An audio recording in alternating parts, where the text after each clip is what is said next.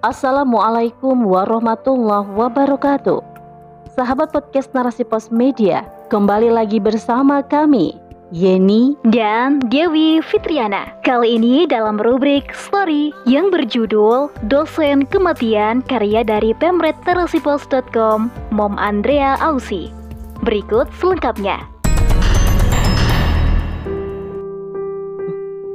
Udara terasa dingin mencekam seolah ingin menusuk tulang-tulang tubuhku melalui rongga pori-pori kulitku. Suara detak sepatuku bagaikan irama simfoni memecah sunyinya malam saat ku telusuri koridor gedung laboratorium anatomi dan langkahku terhenti tepat di depan pintu ruangan itu. Kurapikan seragam dinasku, ku atur letak maskerku dan kacamataku sambil menahan napas. Ku coba membuka pintu kamar itu. Kusapa Renita yang sedang mempersiapkan peralatan yang dibutuhkan.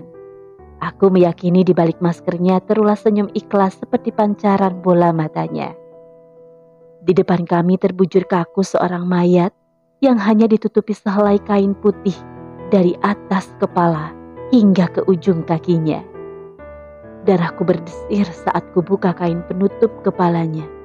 Wajah dan kepala yang remuk akibat benturan keras menyisakan warna hitam dari aliran darah yang membeku serta guratan wajah keras yang tak beraturan. Kusingkapkan kain putih yang menutupi seluruh tubuh mayat itu.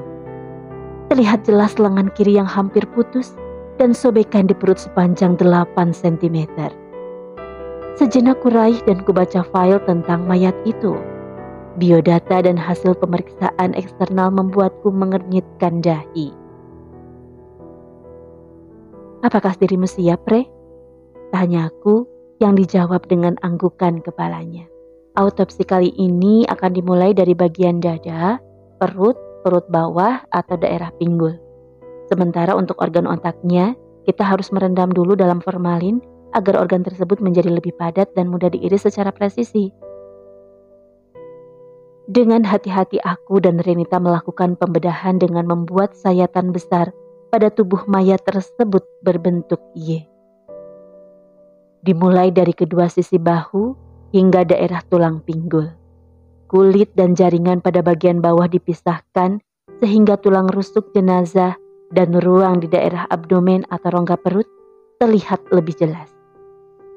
Perlahan tulang rusuk depan kulepas sehingga memperlihatkan organ-organ leher dan dada dengan jelas.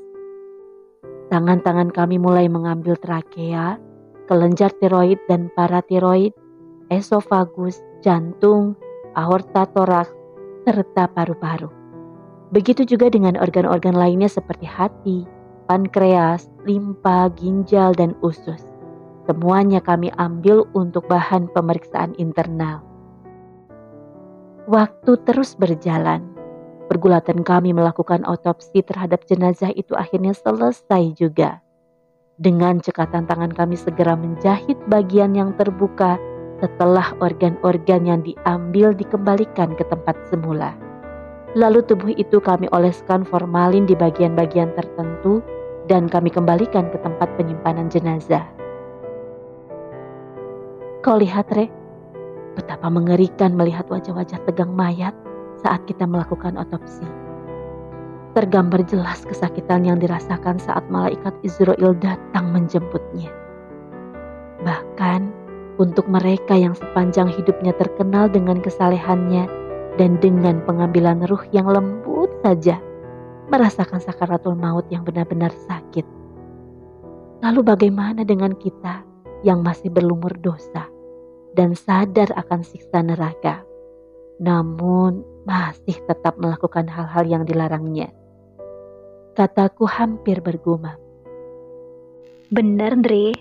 Terkadang aku tak tega saat harus membuka lapisan demi lapisan kulit jenazah, menarik-narik otot untuk mencari perlekatannya, mengorek-ngorek untuk sekedar menemukan pembuluh darah serta saraf yang letaknya tersembunyi. Kita wajib memperlakukan mereka dengan lembut dan baik, walaupun sudah terbujur kaku sebagai mayat. Karena dulunya juga mereka manusia seperti diri kita sendiri. Ujarku pelan. Ada kalanya timbul pertanyaanku, apakah dosa mereka dimaafkan oleh Allah? Mungkin saat hidupnya mereka sebagai preman atau sampah masyarakat yang tak pernah kita tahu amal ibadahnya. Namun, yang pasti tentu mereka tidak berharap tubuhnya menjadi media praktikum atau diotopsi untuk keperluan bahan penyelidikan. Bisa saja mereka semasa hidupnya berharap jika kelak meninggal, mayatnya diurus dengan baik, dimandikan, disolatkan, dikafani, dimakamkan, dan didoakan oleh keluarganya. Aku tidak tahu, Re. Hanya dia, Allah, yang maha mengetahui. Mungkin kita hanya bisa mendoakan agar dosa-dosa mereka diampuni oleh Allah Subhanahu wa Ta'ala berharap juga dari tiap sentuhan kita selama melakukan otopsi pada tubuhnya, maka berguguran segala kesalahannya. Dan apa yang kita dapatkan dari tubuh-tubuh mereka menjadi pembuka misteri ilmu pengetahuan yang berguna untuk kemaslahatan umat. Jawabku mantap. Di laboratorium anatomi, banyak sekali mayat-mayat yang tidak dikenali. Setiap kali aku datang ke tempat itu dan menyaksikan mereka, mengingatkanku tentang kematian yang senantiasa mengintai kapan dan di mana pun kita berada. Mayat-mayat itu bagaikan guru-guru dunia, karena mengajarkan ilmu pengetahuan serta guru akhirat yang menjadi pengingat akan kehidupan dunia yang sementara ini. Ya, Re, mereka adalah dosen kematian. Jawabku menutup percakapan kami. Aku dan Rere segera keluar dari ruangan jenazah itu. Kami terdiam dengan pengembaraan pikiran masing-masing. Membiarkan detak sepatu kami yang saling bertautan bagaikan alunan melodi memecah kesunyian. Pikiranku berkecamuk memikirkan arti sebuah kematian. Topik kematian yang senantiasa dihindari oleh berbagai kalangan, terutama kalangan anak muda. Padahal Allah Subhanahu wa Ta'ala sudah berkali-kali mengingatkan tentang kematian untuk hambanya.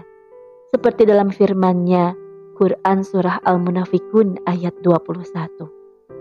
Tiap-tiap umat mempunyai batas waktu, maka apabila telah datang waktunya, mereka tidak dapat mengundurkannya barang sesaat pun dan tidak dapat pula memajukannya.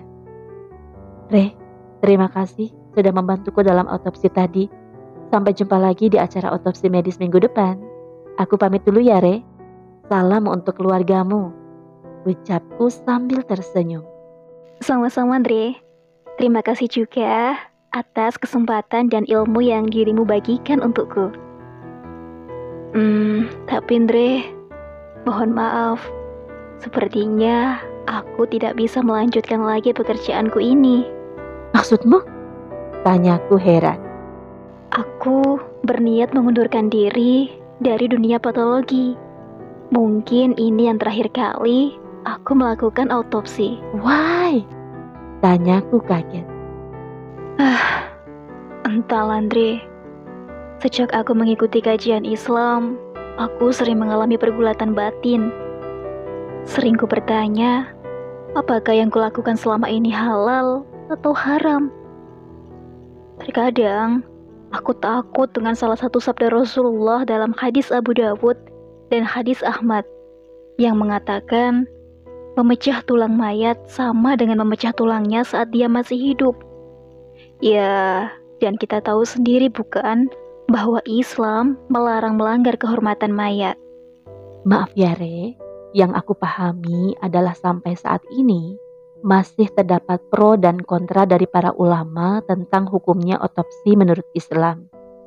Memang benar, beberapa ulama seperti Syekh Taqiyuddin Anabani dari Palestina, Syekh Bukaid Al-Muti'i, dan Hasan As-Saqab melarang otopsi dengan dalil seperti yang dirimu ungkapkan tadi.